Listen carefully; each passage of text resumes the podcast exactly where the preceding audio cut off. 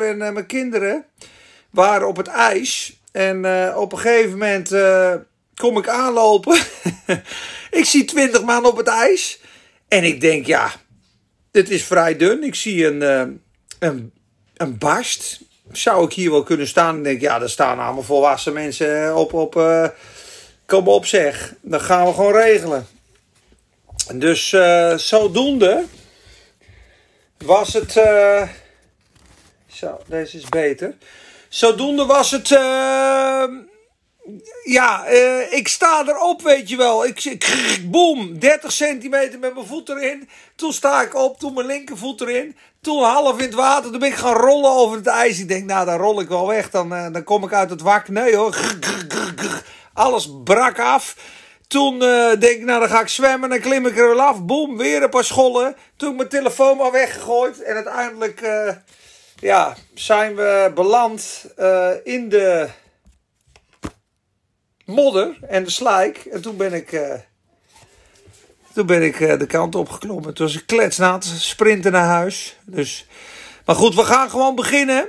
En hey Joshua, binnenkort ping, ping, pingpongen. Jammer dat Edgar Stam het niet gefilmd heeft. Ja, ja, ik denk echt, Deni, je had niet meer bijgekomen. Ik vind het ook jammer. Misschien heb iemand een filmpje. Misschien als iemand dit hoort, jongens, hebt er iemand een filmpje vanmiddag van het gedeelte. Maar goed. Ik, uh, ik hoop dat er veel mensen gezegend worden. Dat we uh, een mooie tijd hebben.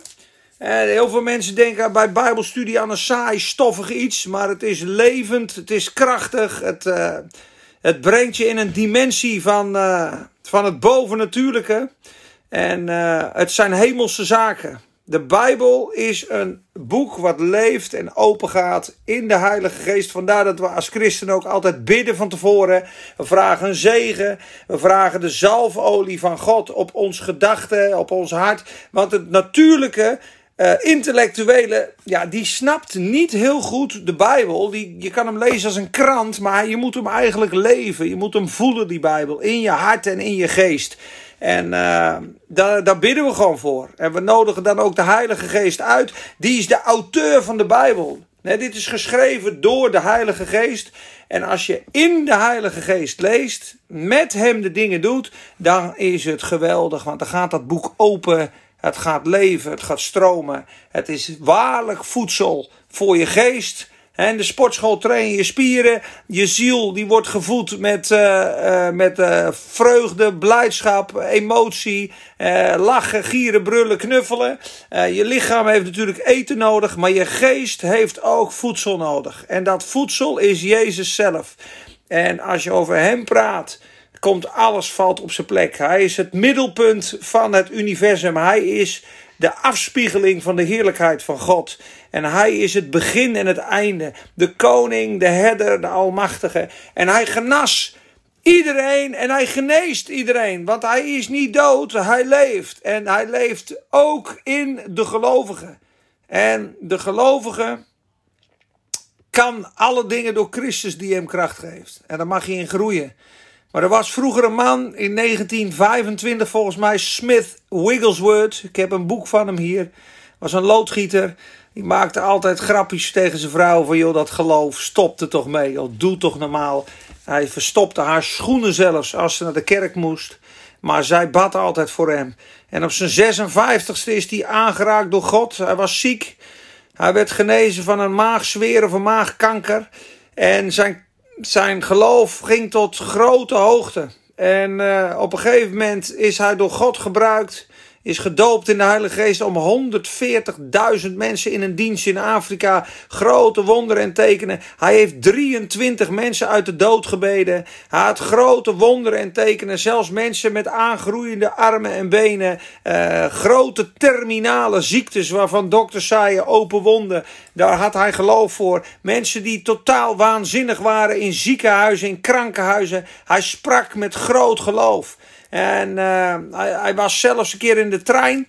En uh, er zat een vrouw heel beteuterd te kijken met, uh, met een jongetje naast hem. En toen zei hij, wat is er aan de hand? Toen zei die vrouw, nou, wij moeten dit been gaan laten amputeren. En Ja, ik zou kijken of we straks eventjes live kunnen, meid. Even wachten, ja? Even kijken of we dat... We moeten dat been amputeren en, en we zien het niet meer zitten. Het was volgens mij in Zweden. En toen zei hij, nou, ik heb hier iets in mijn koffer. Dat heeft nog nooit gefaald. Dat is het beste medicijn. En uh, daar moet je toch wel geloof hebben. Want als dat toch niet zou zijn, dan zou je toch een leed aanrichten. En hij haalde zijn Bijbel uit zijn, uit zijn uh, koffer. En hij zei: Kijk, dit woord heeft nog nooit gefaald. En hij had zo'n vast vertrouwen in het woord van God, mensen. Dat hij dat God nam bij, als, uh, op zijn woord. En als dat er stond, dan was dat zo. En daar handelde hij naar. En hij zei: Ik ben van binnen duizend keer groter dan van buiten. Hij zei: Angst kijkt, maar geloof springt. En hij deed uitzonderlijke dingen. Hij was heel controversieel. Hij heeft zelfs mensen in hun buik geslagen met maagkanker. En dan ploften ze neer op de grond. En dan zeiden de mensen: Joh, je hebt hem doodgeslagen, joh. Ben je niet goed bij je hoofd? En dan zei hij: Is eelt. Hij had zo'n accent. En tien minuten later stond die persoon op helemaal genezen. Toen zei ze, waarom sloeg jij hem nou? Toen zei hij, ik sloeg hem niet. Ik sloeg die duivel in die buik die die kanker, die die kanker voedde. Ik zag daar een duivelse geest zitten, die gaf ik een klap. Hij heeft zulke vreemde dingen gedaan. Hij heeft zelfs iemand die één voet miste naar de winkel gestuurd met, met uh, eh, 10 dollar, ik denk in die tijd, of 5 dollar maar. Ga twee paar schoenen, ga een paar schoenen kopen. En die man die zit hem aan te kijken. Nou, het is net Jezus, weet je wel. Van uh, ga u wassen in de poel van Siloam. En, uh, en, en, en die wonderlijke dingen. Jezus spuwt op de grond, maakt klei, smeert het in de ogen. Dus de Heer Jezus in Smith Wigglesworth is dezelfde. En ik, ik zie dat ook bij andere hele effectieve gebedsgenezers. Dat zij hele controversiële uh, manieren van gebed hebben. Maar die man is dus in de, in de schoenwinkel geweest. En die zegt, joh, ik wil een paar schoenen kopen. En die man kwam met één schoen terug. Toen zei hij, nee, ik moet een tweede schoen ook hebben. En die man die schrok. En eh, ik weet niet precies hoe het verhaal ging. Of dat hij thuis aangegroeid is of in die winkel. Maar het wonder was dat die voet teruggroeide. Uh, en ik weet niet of dat in stand gegaan is of over een tijd van twee, drie weken. Hè. Uh, daar, daar, gaan we een andere keer over praten. Maar Smith, Wigglesworth, google het maar eens. Er is een boek in het Nederlands dat heet De Schreeuw van de Geest. Maar er zijn zeker in het Engels een paar boeken te vinden. Als je die verhalen leest, 1925 was iemand die wandelde in het bovennatuurlijke van het boek Handelingen. Daar had hij 14 jaar over gedaan. 14 jaar, zei hij, heeft de Heer me moeten breken en het op het einde van mezelf moeten brengen. Maar ik zal je zeggen, lieve broeders en zusters, staat er in het boek, dat ik leef in het boek Handelingen, in die realiteit, elke dag van kracht tot kracht, van wonder tot wonder. En geloof het of niet, daar wil God iedere gelovige heen brengen. En de tekst die hij las in, dat, eh, in die trein, hè, bij dat, die vrouw en dat jongetje eh, waarvan dat been afgezet moest worden, dat was gewoon Exodus 15, vers 26. Als u aandachtig luistert naar de stem van de Heere uw God en doet wat juist is in zijn ogen, als u zijn geboden gehoorzaamt en al zijn verordeningen in acht neemt, dan zal ik geen enkele van de ziekte over u brengen die ik over Egypte gebracht heb. Want ik ben de Heere, uw heelmeester. Hij zei, stap maar uit op het volgende station, dan stap ik ook uit. En dan zul je teruggaan in de trein naar huis, want je, God gaat je zoon genezen. Wat een geloof. Hij wist het zeker. En dat gebeurde ook. Ze stapte uit, hij bad en dat jochie werd geraakt door de kracht van God met zoveel vuur dat hij danste over dat station. En zo zijn er honderden getuigenissen en verhalen in de boeken van Smith Wigglesworth. Uh, als je nieuwsgierig bent daarnaar, ik adviseer je om dat te lezen. Het is uh, het boek Handelingen en de wonderen van, van de Bijbel in deze tijd. En ook op dit moment zijn er een aantal mensen uh, controversieel weer. David Hogan uh, in Mexico heeft zoveel wonderen uh, meegemaakt. Heeft zoveel doden opgewekt ook. 60 of 70.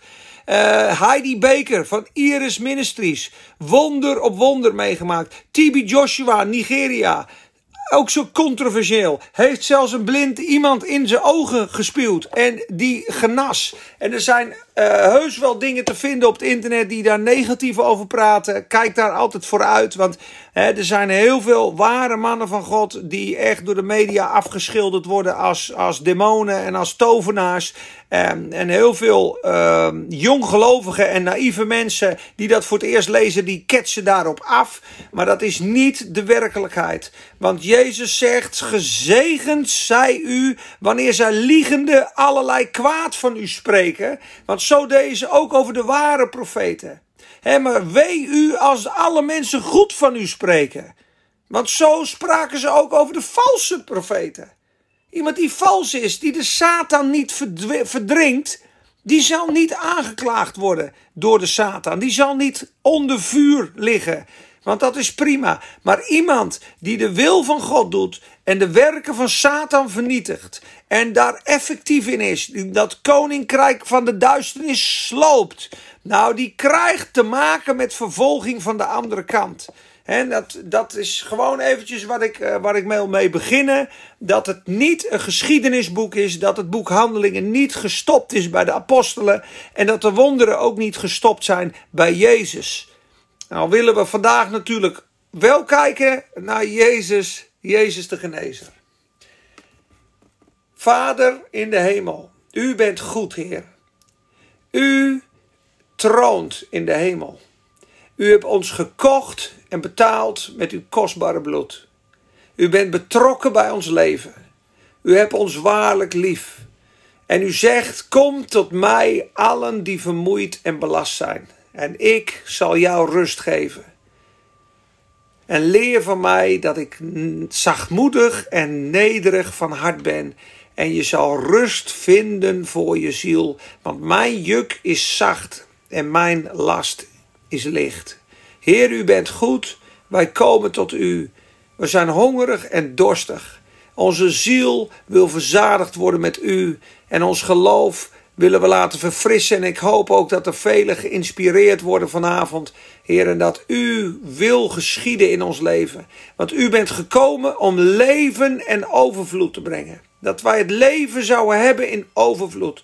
Johannes zegt, opdat gij gelovende het leven zou hebben in zijn naam. U bent gekomen om ons leven te geven. Overvloedig leven, heren. En dat spreken we uit over deze avond. Leven. Leven in de duisternis. Leven in de donkerheid. Leven in de ellende. Leven. Goddelijk leven op de dood. Op de ziekte. Op de vervloeking. Op de gebondenheid. Op alles wat zwart en duister is in jouw leven. De medicijnen van de hemel bid ik op je. De engelen van God bid ik rondom je. En ik bid voor die vreugdeolie van de Heer Jezus. Voor die wonderlijke blijdschap die hij had. Want dat zegt Hebreeën. Jezus was gezalfd met vreugdeolie boven al zijn medegenoten. Jezus was vol van vreugde. Hij zegt ook in Johannes 15: Ik heb deze dingen tot u gesproken, dat mijn vreugde in u zij en mijn vreugde in u zou blijven. O Heer, daar verlangen we zo naar. Een glimlach op ons gezicht, vreugde te, te midden van de omstandigheden van het leven. Liefdevolle vrede en vreugde door de Heilige Geest. U vruchten in ons. Heer, we wensen het iedereen toe. We bidden het iedereen toe.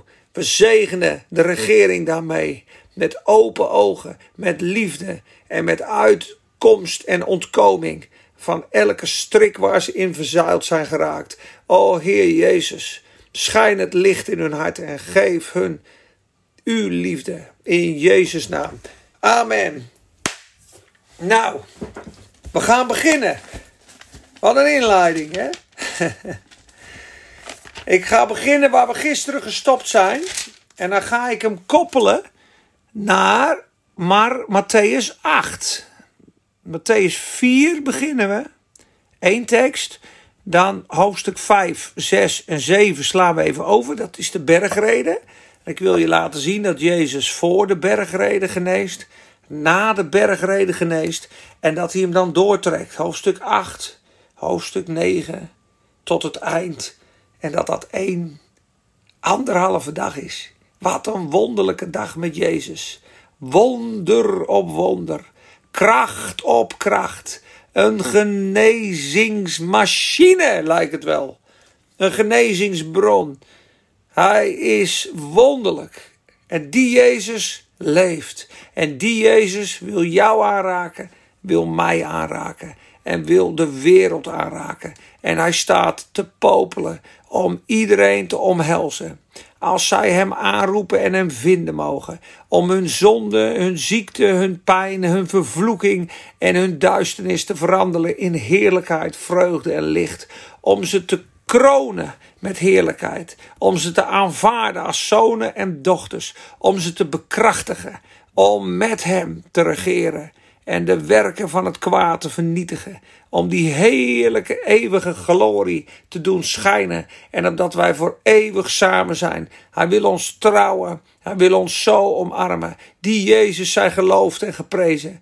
Die om de schande van het kruis. Die, om de, de, de, die de schande van het kruis veracht heeft. Voor de vreugde die voor hem lag. Heer Jezus, dank u wel. Jezaja 53. En mensen, dat hoofdstuk Jezaja 53 is zo krachtig, zo belangrijk, zo vol van het evangelie, dat de Satan erin geslaagd is om hem uit de Joodse Bijbel te schrappen. De Joodse Bijbel kent niet Jezaja 53. Is dat niet een alarmbel van de bovenste plank? Er zijn mensen die hebben zo'n t-shirt, Jezaja 53, en die lopen in Israël dan worden er vragen gesteld. Maar dat is uit de Hebreeuwse Bijbel gehaald, jongens. Wie het gedaan heeft, werd gevoed door de hel. Dat kan ik je vertellen. Dus dit hoofdstuk is essentieel, is machtig, is vol van het evangelie. En het gaat, zal ik maar even lezen vanaf het begin. Wie heeft onze prediking geloofd? Jesaja 53. Aan wie is de arm van de Heere geopenbaard, de verlossing van de Heere? Want hij is als een lood opgeschoten voor zijn aangezicht. Als een wortel uit dorre aren. Dit gaat over Jezus. Gestalte of glorie had hij niet. Zie dat? Jezus was niet mooi of knap of groot of sterk. Als wij hem aanzagen, was er geen gedaante, zodat wij hem begeerd zouden hebben. Hij was niet een grote Saul of een mooi, prachtig, uh, uh, stralend iemand. Hij was zwak en veracht en klein en had weinig gestalte. Als je hem zou zien, had je het niet geloofd. Gestalte of glorie had hij niet. Hij was veracht. Mensen verachten hem. De onwaardigste onder de mensen. Men was uh, een man van smarten, bekend met ziekte. En hij was als iemand voor wie men het gezicht verbergt. Hij was veracht en we hebben hem niet geacht. Moet je eens nagaan. Wat een ver, verworpelijk leven. Hij kende de Heer Jezus. Hij kende zijn vader, de Heer Jezus. Maar hij had geen gestalte, geen luister, geen schoonheid dat wij hem begeerd zouden hebben. En dan komt vers 4. Voorwaar onze ziekte heeft hij op zich genomen. Ons leed heeft hij gedragen. Hebben we gisteravond gelezen. Hè? Wij echter hielden hem voor een geplaagde, een door God geslagene en verdrukt. Maar kijk, om onze overtredingen werd hij verwond.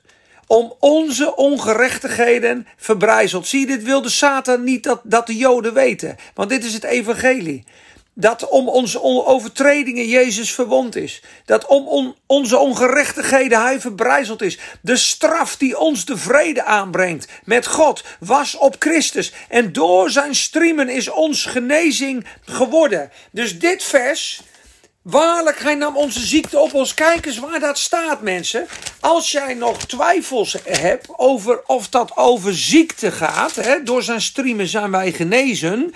Een heel uh, listig interpretatie is: ja, er zijn geen wonderen meer. Dat gaat over onze geestelijke ziektes. Hè. Zo wordt dat afgedaan. Onze geestelijke ziektes, onze zonden, onze onzichtbare dingen. Daar is hij voor gegezeld. Nee, nee, nee, nee, nee. Ik kan het je keihard bewijzen uit de schrift. Want wat staat er zo mooi in hoofdstuk uh, 8. En dan komen we straks terug, maar dat lees ik nu even als bevestiging. Hoofdstuk 8, vers 16. Matthäus 8, vers 16. Bevestiging op Jezaja 53, 4. Gisteren vonden we die in 1 Petrus 2. Nu, kijk eens wat er staat. Toen het nu avond geworden was, na die anderhalve, twee dagen keihard werken vol van wonderen, ja, brachten ze velen die door demonen bezeten waren bij hem. En hij dreef de boze geesten uit met een woord, met een enkel woord. Uit, zei hij. En hij genas allen die er slecht aan toe waren. Hij genas allen die er slecht aan toe waren. Zodat vervuld werd wat gesproken was door de profeet Jezaja. Toen hij zei, hij heeft onze zwakheden op zich genomen en onze ziekte gedragen. Hey Steve, hey Martijn, hey Chris. Hij heeft onze zwakheden op zich genomen en onze ziekten gedragen. Zie je dat? Matthäus 8, vers 16 en 17 zijn een bevestiging van Jesaja 53, vers 4. Waarlijk, hij heeft onze ziekten op zich genomen. Dus dat gaat over demonen uitdrijven en wonderen. Amen. Maar het mooie is, we gaan een dagje meelopen met Jezus, jongens. Een dagje met Jezus meelopen, virtueel. Probeer het je in te beelden. Uh, ik begin in hoofdstuk 4, vers 23. We gaan kijken hoe ver we komen. Ik ga ook wat stukken overslaan, want anders moet ik natuurlijk heel veel hoofdstukken lezen. Maar let goed op, dit is één dag en een opeenstapeling van. Dan gaat hij in de boot slapen. Dat is s'nachts. En dan komt hij bij de Gadarene. Bij die twee uh, met ketenen gebonden. En vanuit, daar komt hij uh, in een hoofdman. En dan komen er. Uh, nou ja, goed, we gaan het zo lezen. Maar het is een opeenschakeling van. Tot het einde van hoofdstuk 9. En dat is twee dagen. Mooi hè? Beginnen in hoofdstuk 4, vers 23. Dank u, Jezus. En Jezus trok rond in heel Galilea en gaf onderwijs in hun synagogen en preekte het evangelie van het koninkrijk. En hij genas elke ziekte en elke kwaal. Schrijf maar op, zeg maar hard, hard op. Elke ziekte, elke kwaal. En het gerucht over hem verspreidde zich over heel Syrië. En zij brachten bij hem allen die er slecht aan toe waren. En allerlei ziekten en pijnen bevangen. En die door demonen bezeten waren. En maanziekten en verlamden. En hij genas hen. Dus hier staat eigenlijk: hij geneest elke ziekte, elke kwaal vanuit elke plaats. En welke ziektes nog meer? Allerlei ziekten, allerlei pijnen, alle die er slecht aan toe waren. Mensen met demonen, maanzieken, verlamden. En moest kijken wat er daarna staat. En grote menigten volgden hem uit Galilea, dat is een provincie, uit Decapolis en Jeruzalem en Judea en van over de Jordaan. Dus dan moet je nagaan dat er hier zo staan dat Jezus in Spakenburg was en vele menigten volgden hem uit Hoogland, uit Amersfoort, uit Baren en zelfs uit Woerden en uit plekken uh, van over de Jordaan dat het misschien wel Apeldoorn zou zijn. Dus mensen die honderden kilometers liepen, menigten, menigten, nou laten we zeggen menigten van 800.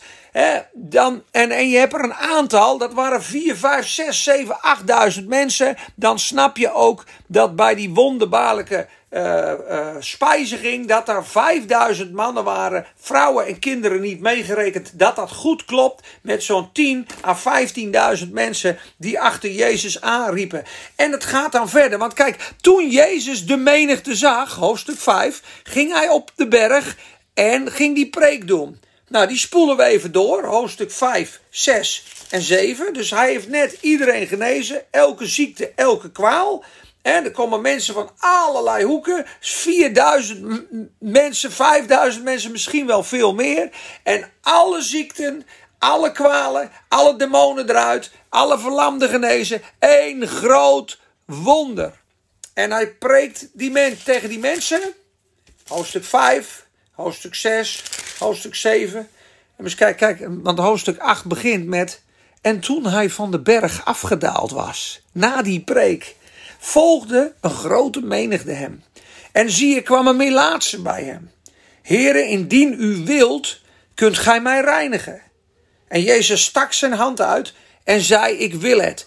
Hier wordt de vraag beantwoord: Is het Gods wil? Is het Jezus' wil dat hij geneest? Die vraag is het, hè? Indien God het wil, dan kan hij mij genezen. En hier laat God zien in de Bijbel: Ik wil het. Jezus zei: Ik raakte hem aan. De Melaatse raakte die aan.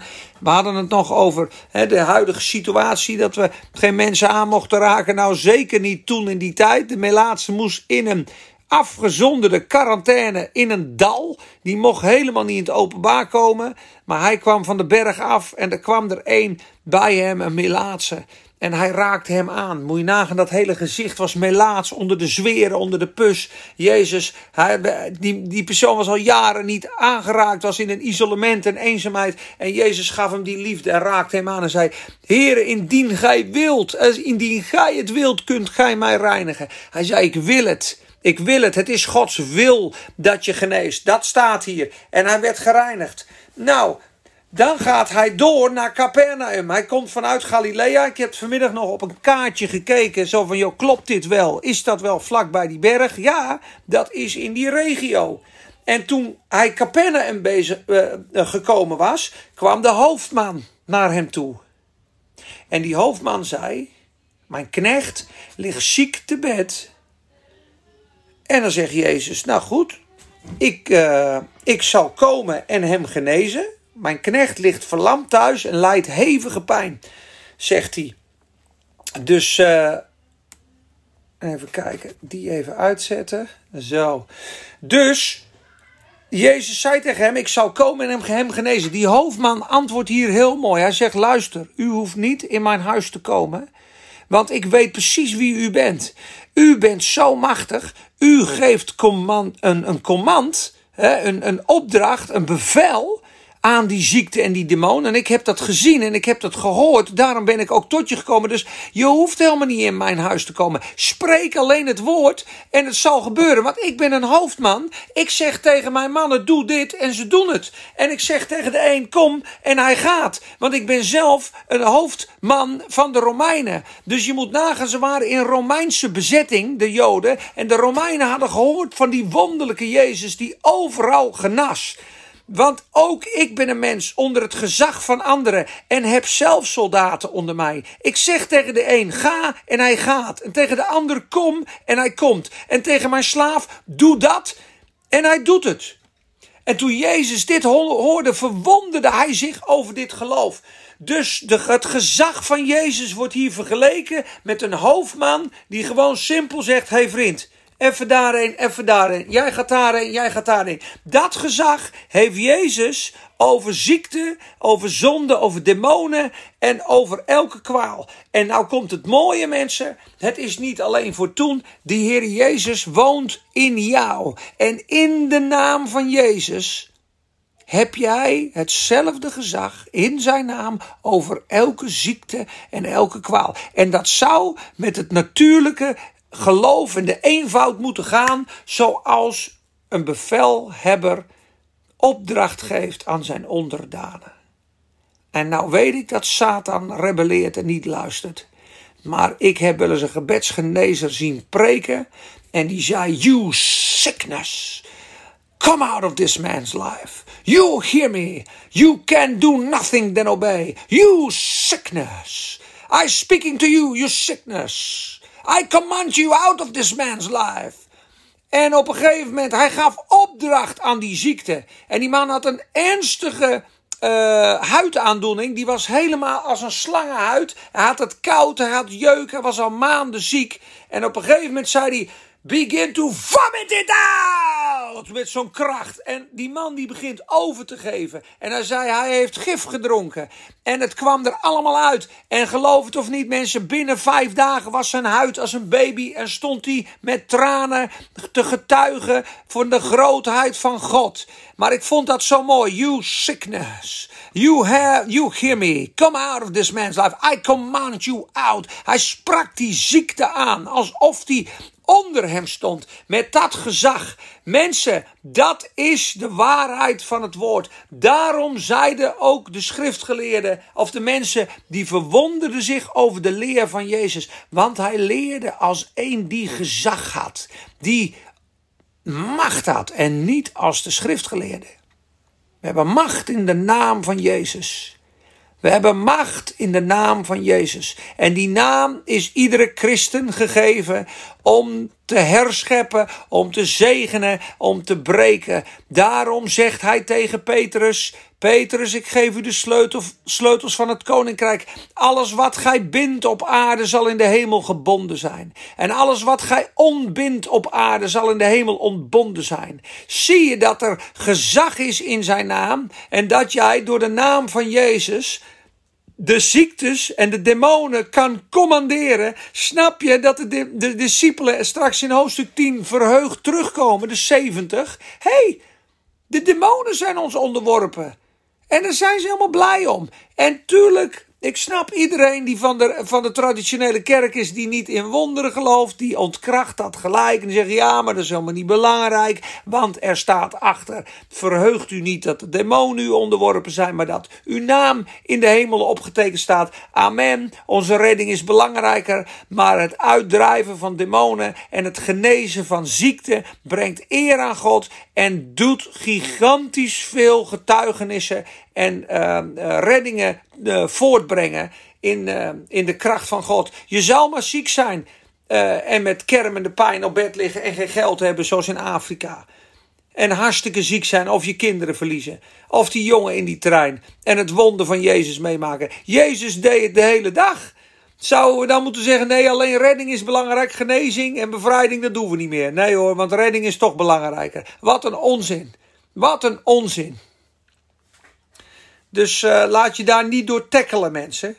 Er zijn veel stemmen die lijken op Gods stem, maar die zijn van de vijand. Om je geloof te roven, om je aan het wankelen te brengen. En zelfs met Bijbelteksten. En zelfs met filosofie. Daarom zegt Colossense dat zo mooi. Zie toe dat niemand u beroven door filosofie. Of door redeneringen. Of door wijsheid van deze wereld. Want dan wordt Christus van zijn kracht beloofd in jouw leven. Dan beroof je de zegen bij jezelf vandaan. Maar let op, Jezus geneest iedereen, komt op de berg, preekt, komt van de berg af, ziet daar een melaatse, dan een hoofdman. En op een gegeven moment geeft hij een stukje prediking, komt hij in het huis van Petrus, geneest hij de schoonmoeder van Petrus met koorts. En dan komen we bij dat punt waar we net kwamen. Ehm, en Jezus kwam in het huis van Petrus, vers 14, zag zijn schoonmoeder met koorts op bed liggen raakte haar hand aan, de koorts verliet haar, zij stond op en diende hen. En nu komen we op dat stuk waar we net waren. En toen het nu avond geworden was, zie je dat? Dat dat één dag is, brachten zij allen bij hem die door demonen bezeten waren, of velen bij hem die door demonen bezeten waren, en dreef de brood, boze geesten uit met een enkel woord. Hij genas allen die er slecht aan toe waren, zodat vervuld werd. En dan komt er een grote menigte. Dan komt er een schriftgeleerde. Op een gegeven moment uh, uh, gaat hij in het schip weer, de storm gestild. En dan gaat hij slapen, want hij is moe. Het is avond geworden. Dus Jezus ligt te slapen in het schip. Heel erg begrijpelijk. Hoofdstuk 8 dat hij gewoon een hele dag bediening heeft gehad. Hij heeft iedereen genezen, hij heeft gepreekt. Hij is, hij is bij, bij de hoofdman geweest, bij de Melaatse geweest. Moest nagaan, één dag. Hey, en dan bij, bij, Jezus, bij de schoonmoeder van Petrus. Dan nog eventjes 4.000, 5.000 man. Weet ik veel hoeveel demonen eh, eruit gedreven en, en, die ernstig ongesteld waren. Dan heeft hij nog een discussie met schriftgeleerders. En dan zegt hij, joh, laten we even in een schip gaan. Ik ga even een tukje doen. Ik begrijp het helemaal. Jezus was moe. Hij ging lekker slapen. En dan komt die grote storm. als die ligt te slapen. Want aan de overkant zijn twee zwaar uh, demonisch bezette mannen. Bij de graven. Die van Gadarene. Die met ketenen gebonden werden. Weet je wel? Die met stenen op zichzelf sloegen. En die Satan wil helemaal niet dat Jezus naar de overkant komt. Dus er komt een grote, hevige storm. En die boot, die wordt alle kanten op geschud. En er stond grote onstuimigheid in de zee, zodat het schip door de golven bedekt werd. Maar hij sliep. Jezus sliep in de storm. En zijn discipelen kwamen bij hem, wekten hem en zeiden: Heer, red ons, wij vergaan. En toen bestrafte hij de wind. Hij stond op, bestrafte de wind en de zee en er kwam grote stilte. En de mensen verwonderden zich: Wie is toch deze? Dat zelfs de wind en de zee hem gehoorzamen. Dus Jezus heeft gezag over de weersinvloeden ook. Gezag, de koning van alles. En toen hij, kijk, en toen hij aan de overkant kwam, de twee Gergezenen. Dus hij werpt die demonen uit. De demonen smeekten hem of ze in de varkens mogen. Ik ga het eventjes snel langst. Toen vluchten ze. Uh, de, uh, even kijken hoor. Die zijn wij, de vluchten. En toen ze in de stad gekomen waren. Oh ja, de hele kudde varkens stortten van de stelte af en stierven in het water. Legio. Ze denken dat daar 6000 varkens liepen. Een grote kudde. Allemaal in de zee. En dan vragen ze of hij alsjeblieft weg wil gaan. De hele stad zei: Jezus, alsjeblieft, ga weg uit ons gebied. Want ze waren helemaal verslag. Ze wouden geen bevrijding. Ze waren bang en boos dat hun varkens weg waren. Maar ik had hopelijk gezegd: Heer Jezus, wilt u alsjeblieft blijven? Want u heeft net een wonder gedaan. Uh, zou u ook. Uh, hier wil, nou, ik weet niet, maar ik hoop niet dat ik hem weg zou sturen. Maar dat deden ze dus wel. Dan gaat hij in het schip en komt hij weer aan de overkant. En dan is hij in een huis, komen die vier vrienden met dat touw. Dan op een gegeven moment uh, heeft hij nog een beetje uh, wat gesprekken. En maar er staat allemaal toen. En Jezus ging vandaar verder. Kijk, vandaar verder. Toen kwamen discipelen bij Johannes. Bruiloftsgasten. Kijk, toen hij deze dingen tot hen sprak. Dat is vers 18, hoofdstuk 9, vers 18. Ja, kwam hij uh, bij een leidinggevende, dochtertje van Jairus. Mijn dochter is zojuist gestorven, maar kom, leg uw hand op haar en zij zal leven. En Jezus stond op en volgde hem met zijn discipelen. En de bloedvloeiende vrouw, die twaalf jaar bloedingen had, kwam van achteren naar hem toe en raakte de zoom aan. De loop de menigte met Jezus mee. Overal waar hij ging, was zijn faam zo dat duizenden, duizenden met hem meeliepen. En iedereen raakte hem aan, maar niemand kreeg een wonder. Maar de bloedvloeiende vrouw wel. Zij kwam met geloof. Zij had twaalf jaar alles uitgegeven aan dokters, aan welke vorm van genezing ook. Maar ze was alleen maar zieker geworden, had al haar geld verspild. Misschien ben jij ook zo iemand. Misschien ben jij wel iemand die overal naartoe geweest is voor je depressie. Ik ken mensen die hebben kinderen verloren. Die zijn zelfs naar waarzeggers gegaan om de dode geesten van hun kinderen op te roepen. Om daar contact en connectie mee te maken. Zo was het verdriet. Mensen, doe dat niet. Raadpleeg niet de geesten van de doden. Ga niet met de Satan aan de haal. Hij kan je niet genezen. Je wordt echt alleen maar ongelukkiger en gebonden. Ga naar Jezus. Misschien heb je wel heel veel geld uitgegeven aan je uiterlijk of aan allerlei dingen om van je depressie af te komen en loop jouw jaren bij het RIAG. Ik weet iemand die jou vrij kan zetten en genezen. Zijn naam is Jezus. Ik weet iemand die dwars door alle duisternis heen elke ziekte, elke kwaal, elke demon bij jou weg kan breken. Zijn naam is Jezus en hij houdt van je. Zoek het bij de Heer Jezus. En ik bid dat je iemand tegenkomt die zijn handen op je legt, die je vrij bidt. En ik bid voor je dat je dat wonder mag ontvangen. Maar die bloedvloeiende vrouw, na twaalf jaar tegenslagen en ontmoetiging, raakte zij zijn kleed aan. En kijk wat er gebeurt. Een vrouw die al twaalf jaar bloedvloeiing had, kwam van achteren naar hem toe, raakte de zoom van zijn bovenkleed aan. En zij zei bij zichzelf: Als ik alleen maar zijn kleed aanraak, dan zal ik gezond worden. En Jezus keerde zich om en zag haar en zei: Heb goede moed, dochter, uw geloof heeft u behouden. En de vrouw was vanaf dat moment gezond. In, het, uh, in de beschrijving van Marcus, Marcus 5, staat dit verhaal ook. Daar staat dat hij op een gegeven moment zegt: Wie raakte mij aan? En Petrus, Haantje de voorste, die komt daarbij en die zegt: Hoe bedoel je nou?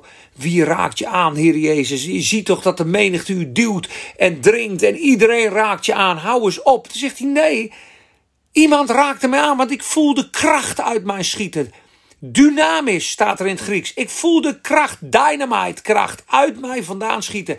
En toen zag, die vrouw, zag hij die vrouw trillend op de grond. De, van daaruit, jongens, gaat hij naar het dochtertje van Jairus. Kijk eens, en toen Jezus vandaar verder ging, uit dat huis, vers 27, riepen de twee blinden uh, ontferm u over ons. Die blinde geneest hij ook weer.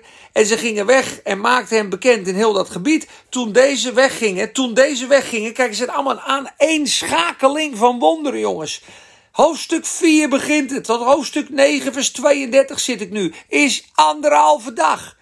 Toen deze weggingen, zien men bracht iemand bij hem die niet kon spreken, spreken, die door een demon bezeten was. En toen de demon uitgedreven was, sprak hij. En de menigte verwonderde zich. En hij drijft de demonen uit. En Jezus trok rond in al de steden en dorpen en gaf onderwijs in hun synagogen, preekte het evangelie van het koninkrijk en genas iedere ziekte en iedere kwaal onder het volk. En het eindigt bij 935. En daarna stelt hij 70 mensen aan, omdat zijn bediening zo groot wordt en hij het werk niet meer aan kan. Ik hoop dat je gezegend bent door dit woord. Het is een geweldig stuk om zelf te lezen. Laat je meenemen in de verhalen van Jezus. Het is geen geschiedenisboek. Die Jezus deed dat toen. Dat was een mooie man. Het is een realiteit. Hij is opgestaan. Hij is dezelfde door de Heilige Geest. Hij is op aarde en je kan hem aanraken onzichtbaar. Je kan op je knieën voor je bed hem aanraken. Je kan in een conferentie of een preek hem aanraken. Je kan in een wandeling op het bos hem aanraken. Maar je kan ook samen met gelovigen zijn en hem uitnodigen en bidden. En mensen, als je ziek bent, er zijn mensen die bidden voor je in de kracht van het gebed en het geloof. Als je wil weten waar, stuur me maar een PB. En ik zal zorgen dat er een plek is waar ze in een huisgemeente samenkomen met 10, 20 of 30 mensen. En daar zijn mensen die bidden voor jou. En er zijn kerken, daar geloven ze in de kracht van gebed. En jij zal een wonder ontvangen. En dat is niet die persoon, maar dat is de Heer Jezus in die persoon. Glorie voor de naam van Jezus. Geprezen zij de naam van God. Hij is de koning. Elke ziekte, elke kwaal, elke demon, elke, elk probleem is een peulenschil voor koning Jezus. Amen. Gezegende avond.